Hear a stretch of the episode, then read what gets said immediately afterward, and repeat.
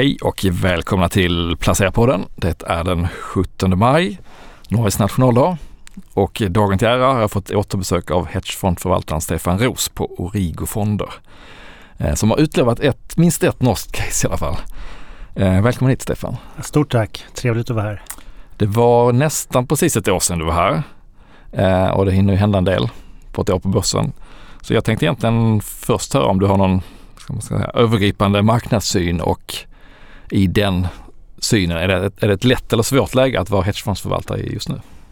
Eh, ja, nej men först kan vi väl konstatera att, att sen, sen i, i botten, bottennivåerna höstas så har det ju lyft upp ganska rejält. Uh, och jag tror att uh, breda index är väl upp 25 procent ungefär sedan den lägsta nivån och det, det, börjar kännas lite. Mm. Det, allting är inte riktigt lika utbombat och billigt som, som det kanske kändes då. Och, jag tror marknaden behöver liksom ny energi lite grann. Någonting som tar över. Nu, nu ser vi att räntorna allt tyder på att de har toppat. Inflationen har toppat i de flesta länder. Eh, men vi är fortfarande väldigt osäkra på konjunkturen. Mm. Så att eh, det behövs någonting, någonting mer, några bevis för liksom hur, hur djup kan den eventuella lågkonjunkturen bli. Så jag är väl inne på att vi nu, närmaste tiden är någon form av trading range som har varit ett tag. Jag har sett ett par, tre, fyra månader och, mm. och jag tror det kommer fortsätta så under sommaren. Uh, tills vi har mer bevis. Och det är klart, det, man, det, man, vill ju gärna att det ska vara bolagen som visar vägen men makro, makrostatistiken kommer fortsätta vara jätteviktig de närmaste två kvartalen. Mm. Ja, det var väl egentligen första tre veckorna på året som hela uppgången kom och sen har det studsat sidledes nästan. Precis, och det var, det var ett ryck där och eh, jag vet inte riktigt varför det kom just då men ofta är det omkring årsskiften det händer rätt mycket. Man, man blickar fram, man, man börjar eh, öppna upp analysprognoserna för ett år fram till och mm. så vidare. Och, men, eh, ja, just det, det ser alltid lite billigare ut. Det ser lite billigare ut om man tittar två år fram. Ja. men, men, eh, nej, men, men, om vi tittar på liksom den stora bilden så har vi ju ändå gått från ett läge som var fruktansvärt illa för, för ett, ett och ett halvt år sedan.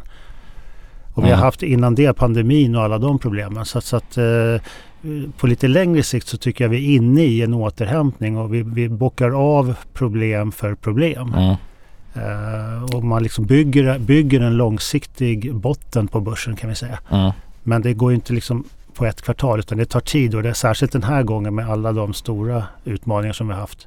Och kanske man ska säga det, det är väl Norden som är er, er spelplan så man vet ungefär vad det är ni det är, Nord, det är Norden vi letar aktier men, men eh, trenderna och eh, mycket av sammanhangen är ju globala.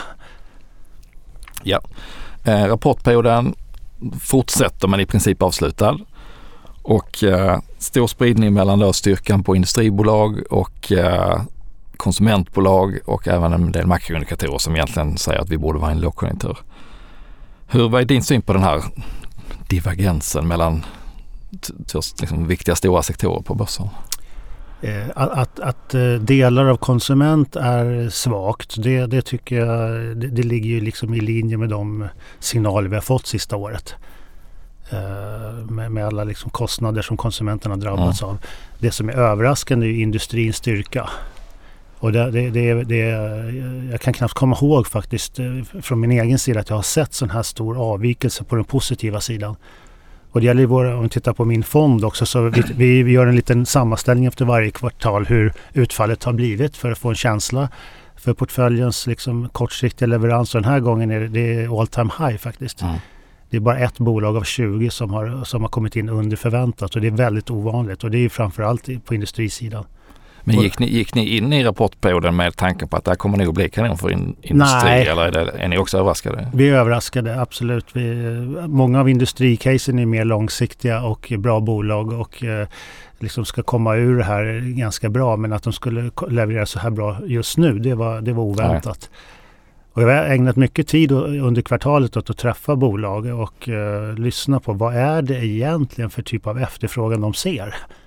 Och vad svarar? Ja, ja de svarar lite olika men, men, ah, men egentligen så är alla inne på att det är inte någon kortsiktig liksom, uppdämt behov eller någonting sånt som har rasslat igenom. Utan det är från olika segment som det, det kommer in helt enkelt. Och det kan vara, det, det, vi vet ju några, liksom, gruvsidan är jättestark.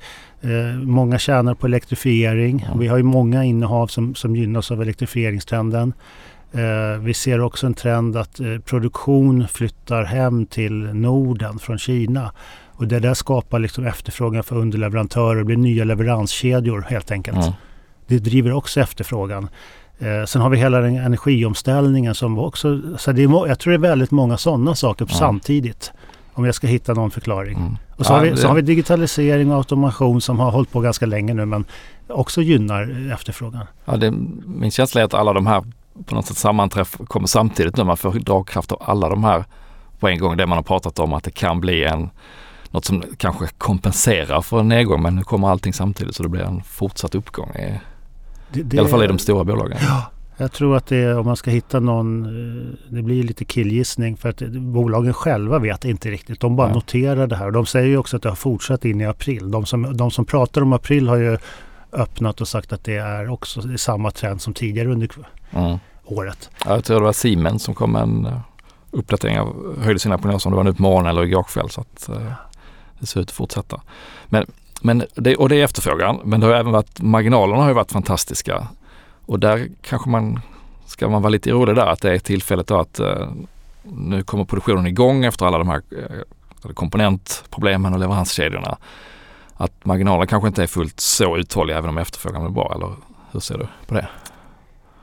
Jag, jag, jag är inte så orolig för... Eller, vid, vid något tillfälle så kommer ju det där ikapp. Men, men just nu så tror jag fortfarande att många har haft ovanligt stora kostnader. Alltså de, det är mindre än vad det var för kvartalet innan. Mm. Eh, Det har lättat lite grann men fortfarande så har, har relativt många ändå vissa störningar till exempel på logistiksidan. Och råvarupriserna är ju på väg ner kanske men de är högre än liksom historiskt sett och komponenterna. Så, så att jag, jag, jag har nog bilden att marginalerna ska vara rätt höga resten av året. Eh, så att, eh, Bra, då får vi utvärdera när vi poddar om ett år. Ja, ja men det, den får du skriva upp. För det, jag, tror, jag tror marginalen håller. Och det, och det är faktiskt någonting som man ofta i sådana här svängningar, när det blir lagersvängningar. Industrin liksom, och även konsum, konsumentbolagen är väldigt beroende av hur lagren ser ut. Och eh, liksom, lagren går upp och ner men är man, är man kostnadseffektiv i de här dåliga tiderna och sen, sen kommer efterfrågan. Just det. Då glömmer man ofta bort att då blir det en jäkla boost på marginalen också. Mm. För man behöver inte ge tillbaka allt utan då har man vässat sig. När man har vässat sig liksom till en annan nivå. Mm. Och sen kanske man på sikt får ge tillbaka lite, det är möjligt. Men, men liksom den första, de första kvartalen när det vänder upp, då blir det ju ofta bättre än vad alla tror Mm. marginalmässigt. Men eh, tufft i konsumentsektorn men när jag läser ert senaste månadsbrev så ser jag där att ni ändå har börjat bygga lite position i en del konsumentbolag. Eh, Absolut, det är det stora skiftet vi har gjort i eh, Origo Quest senaste halvåret egentligen. Och det, eh, de här, om vi tar sällanköpsvaror som är cykliska konsumentprodukter. Eh, det, var ju, det var ju de som så att säga föll snabbast när vi började se eh, recessionstecknen Mm. komma.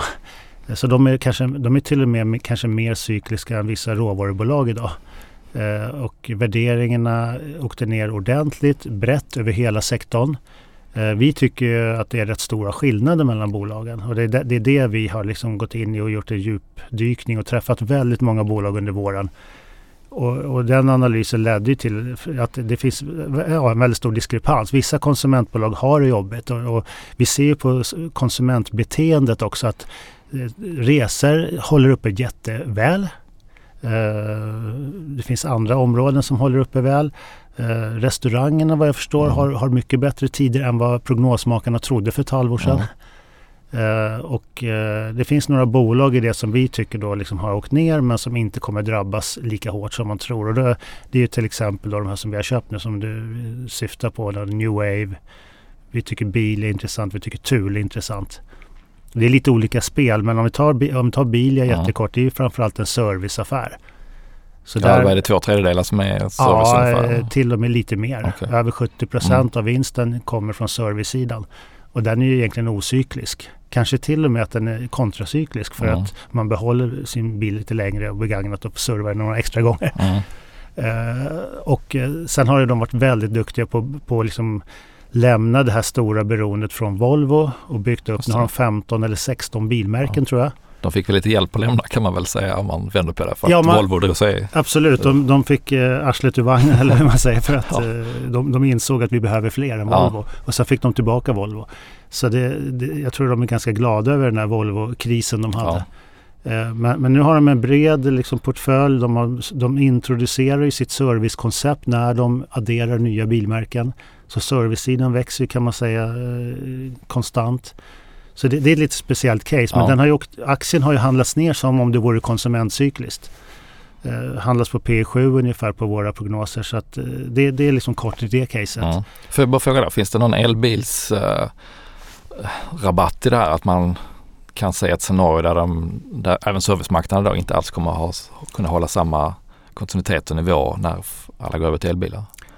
Det är möjligt att det ligger det i aktiekursen att folk eh, är oroliga för det. Eh, Det, det, det jag har hört, eh, för, för några år sedan sa man att det blir ingen service alls på elbilar. Så det, det, bilar är jättehotade. Ja, Nu, nu, nu är inte alls signalerna så när man lyssnar på verkstäderna. Det är ju, det är väldigt mycket service. Fast det är en helt annan typ av service. Kanske svårare att göra själv dessutom. Det, är- det är mycket svårare att göra själv och det är, det är väldigt dyrt för små oberoende verkstäder att hänga med. För då, man behöver ju datorutrustning på ett helt annat Ja. sätt. Eh, Det är väldigt mycket tester och, och sånt här som liksom digitala tester som ska sk- ske på sensorer och på så, så eh, eh, sum, värdet per bil kanske möjligtvis går ner. Det, det, det får framtiden utvisa. Men- Men det är definitivt inte så att service försvinner. Jag, som jag förstår det. Ehm, Så att jag tror mest att aktien har gått ner för att man förknippar bilen med nybilsförsäljning. Och Just det, då blir man rädd när det viktiga. Ja, och den, den, eh, den har ju verkligen tappat här nu. Jag tror det var 50-59 procent ner eller något sista siffran som kom på nybilsförsäljningen. Eh, och, och så kommer det ju se ut. Det kommer ju vara några väldigt dåliga månader till. Men då ska man komma ihåg att det är, det är knappt så att det märks på Bilias vinst. Mm. Och på taken sitter Thules eh, takräcken och boxar och annat. Som Exakt. ni också har gått in i. Ja. Det har vi också gått in och det tycker, den tycker vi också sker. och det- kan jag börja med att säga. Det är ett fantastiskt bolag som har vuxit under många, många år. Vi har ju egentligen alltid älskat Thule men vi har tyckt att den har varit för dyr. Mm. Vi, vi, har liksom, en- liksom, vi, vi, vi vill kunna bocka av att värderingen är attraktiv. Och där har inte riktigt Thule varit tycker vi. Förrän, förrän nu egentligen. Eh, och eh, tittar man närmare på Thules produkter så tycker jag också det är lite samma som, som eh, Bilia. Att det är lite missuppfattningar. Eh, takboxförsäljningen är ganska stabil till exempel om vi tar var de kommer ifrån. Eh, och eh, cykeltrenden den har ju fått, det, det var egentligen den som gjorde så, så Thule fick den här enorma boomen för något år sedan. Den har ju tvärstannat. Mm. Men där finns det ganska mycket eh, statistik och siffror på att det är inte så att eh, cykelintresset på något sätt har minskat eller outdoor-intresset. Utan det som hände var att efter pandemin blev det en otrolig lageruppbyggnad hos återförsäljarna. För de, de såg en fantastisk efterfrågan under pandemin. Och så beställde de liksom dubbelt så mycket Mm. som vanligt. Och till slut så var det liksom för mycket lager i systemet. Just det. Då får man den här så kallade bullwhip-effekten. Att det blir ännu större svängningar hos tillverkarna. Då. Exakt, och det, var, det, det är egentligen det som har hänt. Eh, Thules egna lager och eh, Thules egna liksom, mätningar på vad efterfrågan finns. Den, den är, det det ser inte så dåligt. Klart att det blir en viss nedgång när, när, när konsumenten får det kärvare. Men eh, det handlar om att beta av lagren hos återförsäljarna. Och det här, nu pratar vi om en liten del inom Thule, cykel, Mm. cykelprodukterna. Men är det, uh, nu har inte jag tittat på Thule speciellt noga, men är de igenom den här lagerjusteringen eller vad är Inte de i den riktigt, cykeln? de, men, men vi tror att de är i slutet på den. De, de, det fanns förhoppningar om att lagren skulle vara normala, bli normaliserade i Q1. Eh, sen har man gått ut och sagt att det är de inte riktigt. Så vi får nog räkna med Q2. Ja. Eh, och, och det kanske blir till och med Q3. Eh, mitt, jag tror de som köper sådana här outdoor-produkter de vill gärna ha det i början på säsongen här och ju längre sommaren går så kanske man så att säga, har man inte köpt det i augusti så kanske man inte köper alls. Eh, Så vi får se lite hur det här liksom närmaste halvåret blir. Vi har inga förhoppningar om en snabb vändning för cykeldelen. Ja. Men vi tror resten av Thule går rätt bra och de kommer med nya produkter bland annat för, för djurburar och andra grejer och, och eh, även barnvagnsprylar. Eh, Så att de kommer nog kunna hålla uppe försäljningen ändå. Uh, och sen någon gång under höst så, så ska lagren vara helt i balans och då tycker vi att då, då är det ungefär nu som det är intressant att titta på Thule. Mm. Men också vd-byte på gång som var lite överraskande. Det kom ju efter vi hade köpt in oss och det, det, det var en stor överraskning. Mr Thule fick eh, sluta. Uh, Mr Byggmax kommer in. Mr Byggmax kommer in. Uh, två, så vitt jag kan bedöma, båda två väldigt duktiga VDR som får bra referenser egentligen varifrån man än frågar. Mm. Uh, så att det blir ett byte. Uh, vi hade nog kunnat se Magnus vara kvar ett tag till för han, är, han har varit en fantastisk person. Men, men Ankarberg kommer in med nya ögon och det, ibland visar det sig efteråt att sånt där kan vara bra. Mm. Man, man, blir lite orolig men det kan visa sig vara ett bra byte. De har lite olika profiler. Ankarberg tror jag är lite mer inne på det digitala. Så, så, så, när jag lägger pusslet så förstår jag att han, han är ganska intresserad av det digitala spelet och liksom egen onlineförsäljning kanske mm. och sådana bitar som Thule inte riktigt har jobbat så mycket med. Så det, ja, det är spännande. Ja, det är spännande. Jag tror att eh, liksom, i kombination, värderingen åkte ju ner när, när eh, Magnus slutade som VD. Så, så eh, förväntningarna är lite lägre nu då. Ja, och får jag fråga, har ni ökat då? Eller har ni legat kvar med det ni gick in i? Nej, vi har ökat lite successivt under ja. våren. Så idag är det en ganska stor position i fonden.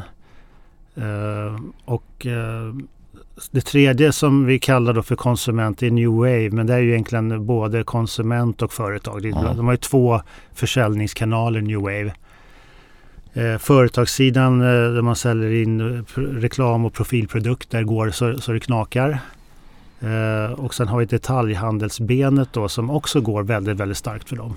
Och där, där, där, ser vi också det här med konsumenten att vissa produkter funkar bra hos konsument trots mm. den här miljön vi är inne i.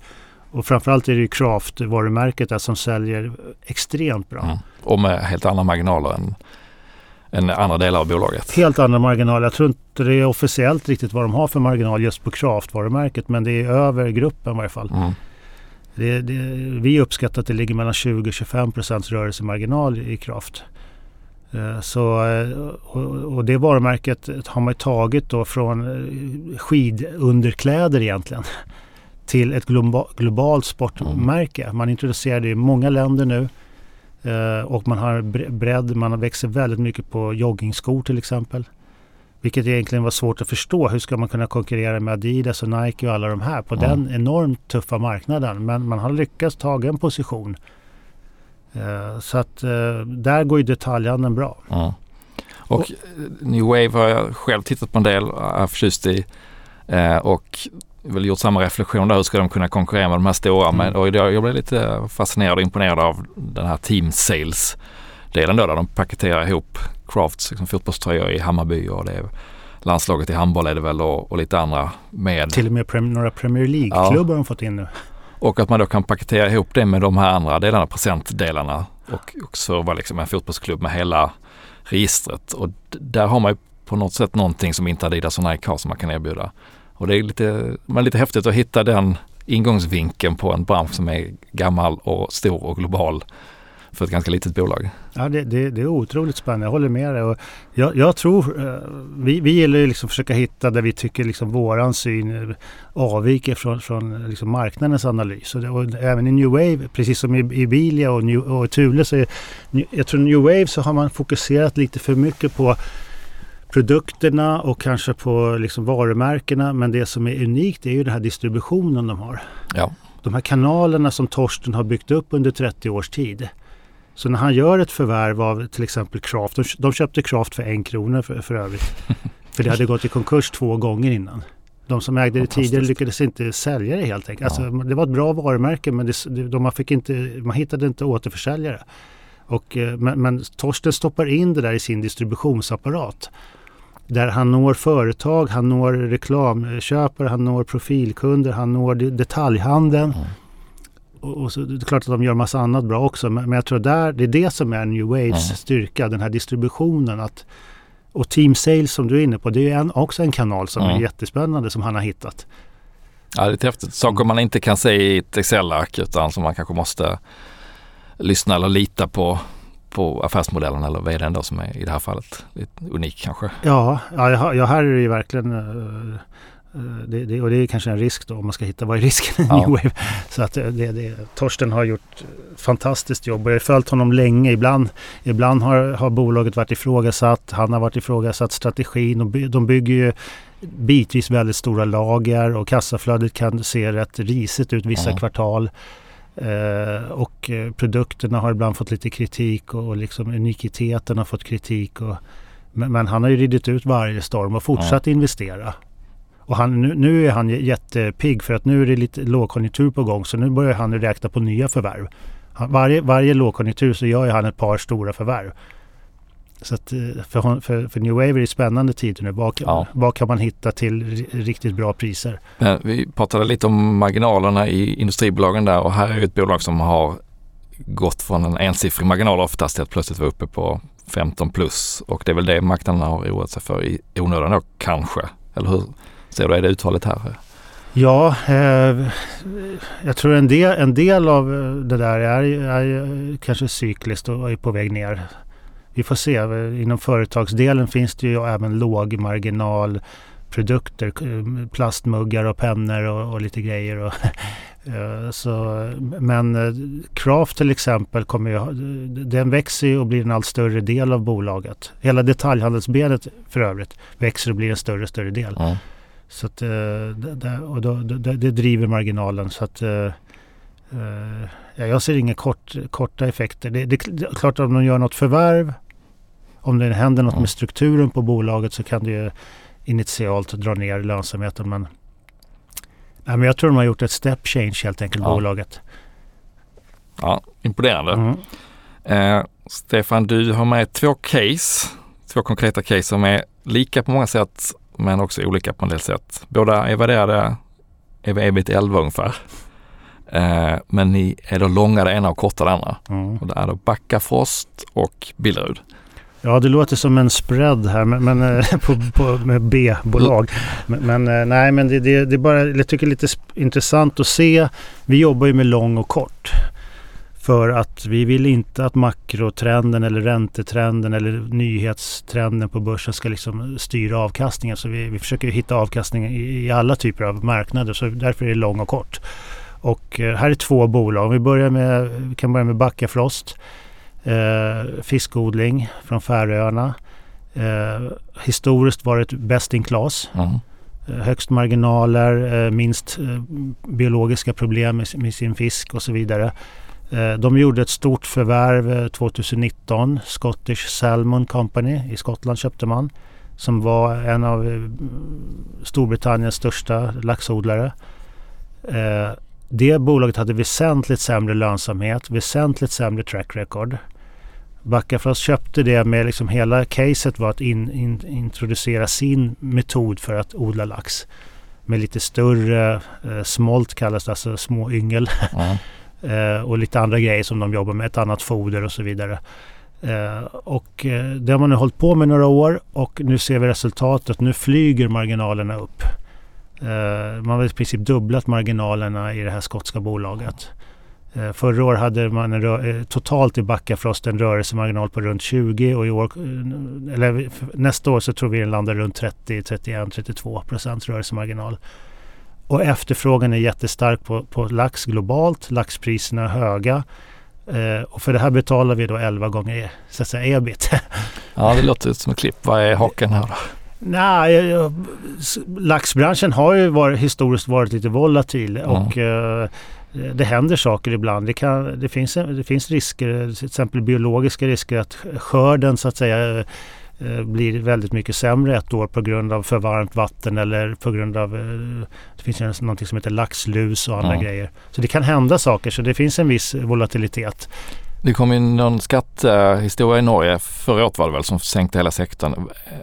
Backafors då, de är noterade i Norge men verksamhet på Färöarna och Skottland. Precis, så de, de är undantagna från det där. Ah, okej, okay, de klarar sig ur den. De klarar mm. sig för de, och det var, det var, det var i samband med den lack, skatt, skattesmällen i Norge så, så föll hela sektorn med ungefär 30 procent mm. på en dag. Det, det, säger ju lite om den här volatiliteten. Ja. Eh, det är en politiskt känslig bransch. Eh, och Backafrost föll också 20-25 procent. Men de var inte ens drabbade av den här skatten. Så det var då vi byggde upp positionen. Eh, och det var, det var ett bra beslut för att eh, de, de får ju snarast en konkurrensfördel nu mot de norska konkurrenterna. Eh, men det, faktiskt igår igen, det, det, sen, sen har det förhandlats, det är en jättelik skattehöjning i Norge. Sen har det förhandlats politiskt fram och tillbaka om det här och igår kom det då liksom lite, lite grann ett negativt besked att förhandlingarna mellan regeringen i Norge och eh, oppositionen hade brutit samman. För oppositionen vill sänka det här förslaget, alltså de vill ha en bred överenskommelse. Mm. Men de får inte med sig oppositionen. Eh, för de tycker det är all, alldeles för hög skatt. Så, så det, det, det var ju liksom ett bakslag. Vissa hade hoppats på att, det skulle, att förslaget skulle mildras när det väl läggs. Men, men nu vet vi inte. Men har ni fler innehav i den sektorn? Vi har även Grieg Seafood ja. som jag tror vi kanske pratade lite om förra året. Jag tror det. Eh, och det är ju ett norskt bolag som, som då drabbas av det här. Och de svarar ju på det här genom att investera utomlands istället. Mm. De bygger ju upp en stor kanadensisk verksamhet nu. Och det gör ju Movi och de andra stora laxodlarna också. Det, så det, det, här är ju verkligen en förlustaffär för Norge som land och mm. som exportnation. Och, eh, men, eh, men som sagt var, Backafrost tycker vi är den, är den solklara vinnaren här. Och eh, de har gjort ett bra förvärv. Nu ser vi resultatet av att de, hur de har liksom hanterat det här förvärvet. Det tog några år. Det tog faktiskt fler år än vad vi trodde. Eh, men nu kommer det, mm. resultaten. Eh, om vi jämför då med en kort position vi har, Billerud. Eh, det är en helt annan sektor och på många sätt olika men här, har vi då en sektor som där priserna har varit höga men som är på väg neråt. Rå, många, förpackningar och kartonger och ja, sådär. Mm. förpackningar och kartonger precis. Eh, de gjorde ju ett väldigt stort förvärv i USA förra året. Eh, för övrigt eh, ett bolag som tidigare var en del av det här Consolidated Paper som Stora Enso köpte. Mm, den gamla den, surdegen. Den ja. jobbiga surdegen. Ja. Det, det, det, det, här bolaget är en del av det. Som, som Billerud nu köper. Mm. Det stora för, gjorde miljardförluster på. Eh, och nu ska man liksom göra om den här fabriken så att den passar eh, liksom så det blir mer förpackningar. Vätskekartong och, och förpackningskartong om jag har förstått det rätt. Eh, man har sagt att det kommer, det kommer dra investeringar på 7-8 miljarder framåt. Eh, samtidigt som då deras cykel är på väg lite grann ner. De skriver mm. ganska tydligt i rapporten nu att eh, efterfrågan har minskat. Eh, och, eh, Ganska man, många förpackningsbolag har haft en tuff eh, resa här med vinstvarningar. Det var lite undantag i rapportperioden också med det är väl e-handelspåverkan från det och, och konsumentpåverkan också. Ja, nej, men det, det har du rätt i. att det, många har ju överlevererat men just inom eh, förpackningar och papperssidan så har det varit klenare rapporter. Ja. Jag tror att deras cykel är på väg ner och, och eh, samtidigt de då, som de står inför, ska ta hand om det här jätteförvärvet och göra jätteinvesteringar. Mm. Marginalerna är på väg söderut. Eh, från har varit väldigt bra. Alltså, Billerud har ju gjort många, haft flera bra år historiskt. Men nu liksom lutar allting neråt. Så att, och den, den handlas på 11 gånger ebit exakt ja. på samma tidshorisont och samma liksom eh, så det, det, det, det, är lite så vi försöker tänka i, i förvaltningen. Men aktien har gått ganska dåligt redan. Ja, vi, har vi byggde upp det för under våren. Eh, den har gått eh, dåligt. Kurs, kursmässigt kan man då känna att det är lite sent att blanka en sån aktie. Men den som sagt värderingen är på 11 gånger mm. ebit. Så att, jag tror vi kommer se fortsatta nedrevideringar. Uh, det kanske inte, vi kanske inte talar om några sådana liksom, te techbolag kan ju falla med 50 procent på en dag. Mm. Det, är inte no det är inte någonting sånt vi, vi ser framför oss för Billerud men uh, den kan fortsätta sjunka och ha en dålig avkastning under, mm. under några år framåt.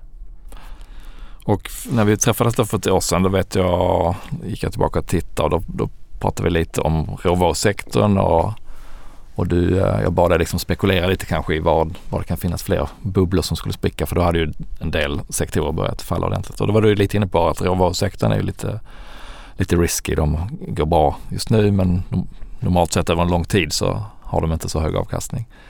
Eh, faller Billerud i den fåran eller är det?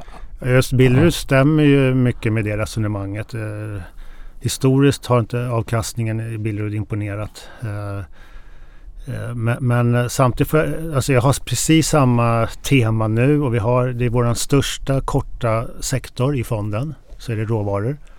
Eh, men jag kan samtidigt säga att det har inte riktigt spelat ut under det här året. Vi har haft den här positionen i över ett år. i fonden. Negativ råvaror.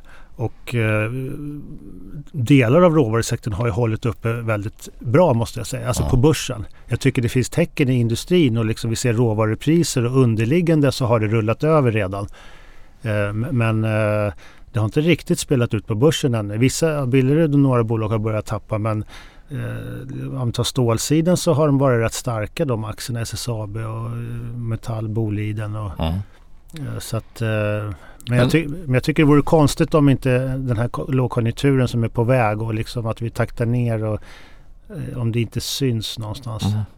Men när, för frågan när ni gör en, en så här kort position på en mm. sektor då, eller gör ni det på ett index eller väljer du då ut ett antal bolag som ni går kort? Nej, vi väljer oftast bolag. Uh, ibland enstaka bolag, ibland en korg av bolag. Mm. Uh, I det här fallet har vi väl tre, fyra korta råvarupositioner. Uh, några, no, några har blivit väldigt, väldigt bra. Men, men som, som tema tycker jag inte riktigt, jag, jag förväntar mig liksom en större krasch om vi säger så för, ja. för, för råvarubolag. Mm. Uh, för att uh, det, ska, det, det, har varit, det har varit någon form av supercykel. Jag förstår ju det delvis. För det, vi har det här med batteritillverkningen, det drar mineraler och det, det är mycket som pågår där ute mm. som, som har gynnat de här bolagen. Uh, men det finns ju även en vanlig efterfrågan av stål. Till exempel byggindustrin är ju en stor köpare. Mm. De kommer inte köpa lika mycket. Nej, speciellt bostadssidan är väl stiltje om man tittar i alla fall i Sverige och Norden. Precis. Så det, det temat får vi nog vänta på. Vi får ta upp det nästa år igen. Ja. ja, eh, Stefan, jag skulle kanske vilja avsluta lite där vi började på var vi är någonstans i marknaden. Att vi har haft en ganska lång nu, ett drygt år med inflation, inflationssiffror som har överraskat uppåt och räntan uppåt och nu kanske vi är på att lämna den här fasen. Och frågan är vad, vad vi går in i nästa dag, om det är räntesänkningar eller är det räntor higher for longer och hur det kommer att spela ut på börsen. Eh, så min fråga är egentligen vad, vad, vad, tittar du efter för nyheter eller signaler för att bilda dig en uppfattning om var, vad, vad blir nästa period här på, på börsen? Mm. Ja, det, det, är ju superbra och viktig fråga. Och, eh, vi, vi, har ju i den här fonden ett liksom absolut tänk. Vi söker liksom bra avkastning till rätt, rätt låg risk. Och, det, och, så funkar ju stora delar av kapitalmarknaden, kanske inte indexfonder så, men, men just nu så är det ju lite annorlunda än vad det har varit på länge. Nu finns det många alternativ att placera ja. pengar i. Och det är så mycket jag tänker just nu. liksom du frågar vad, vad, vi fokuserar på. Till exempel så tog vi ut pengar ur fastighetssektorn för ett halvår sedan eller någonting sånt. Och, och har placerat en del i företagskrediter. Mm. Och det finns en hel del företagsobligationer som idag ligger mellan 7-10 procents yield. Så det, det är väldigt konkurrenskraftigt mm. om de har en bra balansräkning. Ja, det är vad man ska få på börsen ett normalt år i snitt ju egentligen. Exakt, och, eh, men eh, med lite, med lite mindre volatilitet här mm. och, och, eh, på kreditsidan. Och, så att jag tycker liksom att den, det, förut har man så lätt kunnat säga liksom att man ska ha en stor aktieandel, det kommer ta fart och liksom det, det men det där, så det, det om räntorna blir hö, stay, higher for longer som du var inne på, mm. då kommer det här, då har vi det här alternativet kvarstår där då. Uh, och då, då, kanske, då, då kanske inte aktiemarknaden riktigt tar fart. Det är klart den kan ge sina 5% eller 7 eller uh, men det blir inte samma typ av aktiemarknad som vi har haft under tio mm. år. Det blir mycket mer försiktiga uppgångar och, uh, och ändå en viss risk med volatilitet och så. Eh, så att det är det, det, det, räntan är ju nyckeln helt enkelt här. Mm. Och jag själv är lite inne på att makromässigt att Kina eh, kommer att överraska på uppsidan närmaste 12 månaderna. Eh, det finns mycket som tyder på det. De investerar rejält nu, de har öppnat upp ekonomin och så vidare. Och det är en fantastiskt viktig del för världshandeln. Och sen USA tycker jag, så länge jag har följt amerikansk ekonomi så brukar de få ordning på sina svackor ganska snabbt. Mm de, har ju, de är väldigt snabba liksom, med arbetsmarknaden, justera och eh, anställa och, och, investera. Så att eh, jag gissar att USA-ekonomin inte kommer komma in i någon, absolut inte någon djup svacka utan eh, något enstaka kvartal kanske liksom pendlar strax under nollan men sen vänder det upp i USA. Mm. Europa är alltid lite svårare men, men om USA och Kina är relativt stabila och starka framåt så tyder det på liksom, då, då kommer tillväxten tillbaka Och då är det frågan om, ska vi se snabba aggressiva räntesänkningar nästa år som en del tror? Det, det, det är inte säkert. Nej, det krävs väl nästan en lågkonjunktur då som Precis. kanske tar ner vinsterna samtidigt. Så. Så, eh, Man kan inte men, få allt på samma gång. Nej, men eh, jag har inga svar på det här. För jag, liksom, det, det, det, är väldigt farligt att, vara säker på vad makrobilden mm. om ett år hur ser, ser ut. Men eh, fokuset handlar ju mycket om räntan. Mm. Men om man ska försöka läsa in vad ni står i nettoexponering då, hur ser den ut? Ja, den är ungefär samma som för ett år sedan, ligger på 35 procent. Uh, och uh, normalt sett så rör vi oss mellan kanske 20 och 60 procent. Mm. Så det, det, är någon slags neutralläge. Vi, vi har en försiktigt positiv bias mot börsen. Men vi vill inte ha för uh, hög exponering för då, då blir vi egentligen en aktiefond som tar massa aktiemarknadsrisk och det mm. vill vi inte. Utan det här ska, det ska vara en lång kort. Så att, men 35 är ungefär neutralläge och viss avkastning härifrån tror jag aktiemarknaden kommer ge. Jag tror den kommer stå lite högre om ett år. Men eh, jag är osäker på om det blir det där stora lyftet som, som man normalt skulle tycka kommer efter en mm. lågkonjunktur. Mm. Jättekul att ha dig här och lyssna på dina tankar. Jag ser redan fram emot att följa upp de här casen om ett, senast om ett år tycker jag. Mm. Ja, jag med. Så tusen tack för att du kom hit. Tackar, tackar.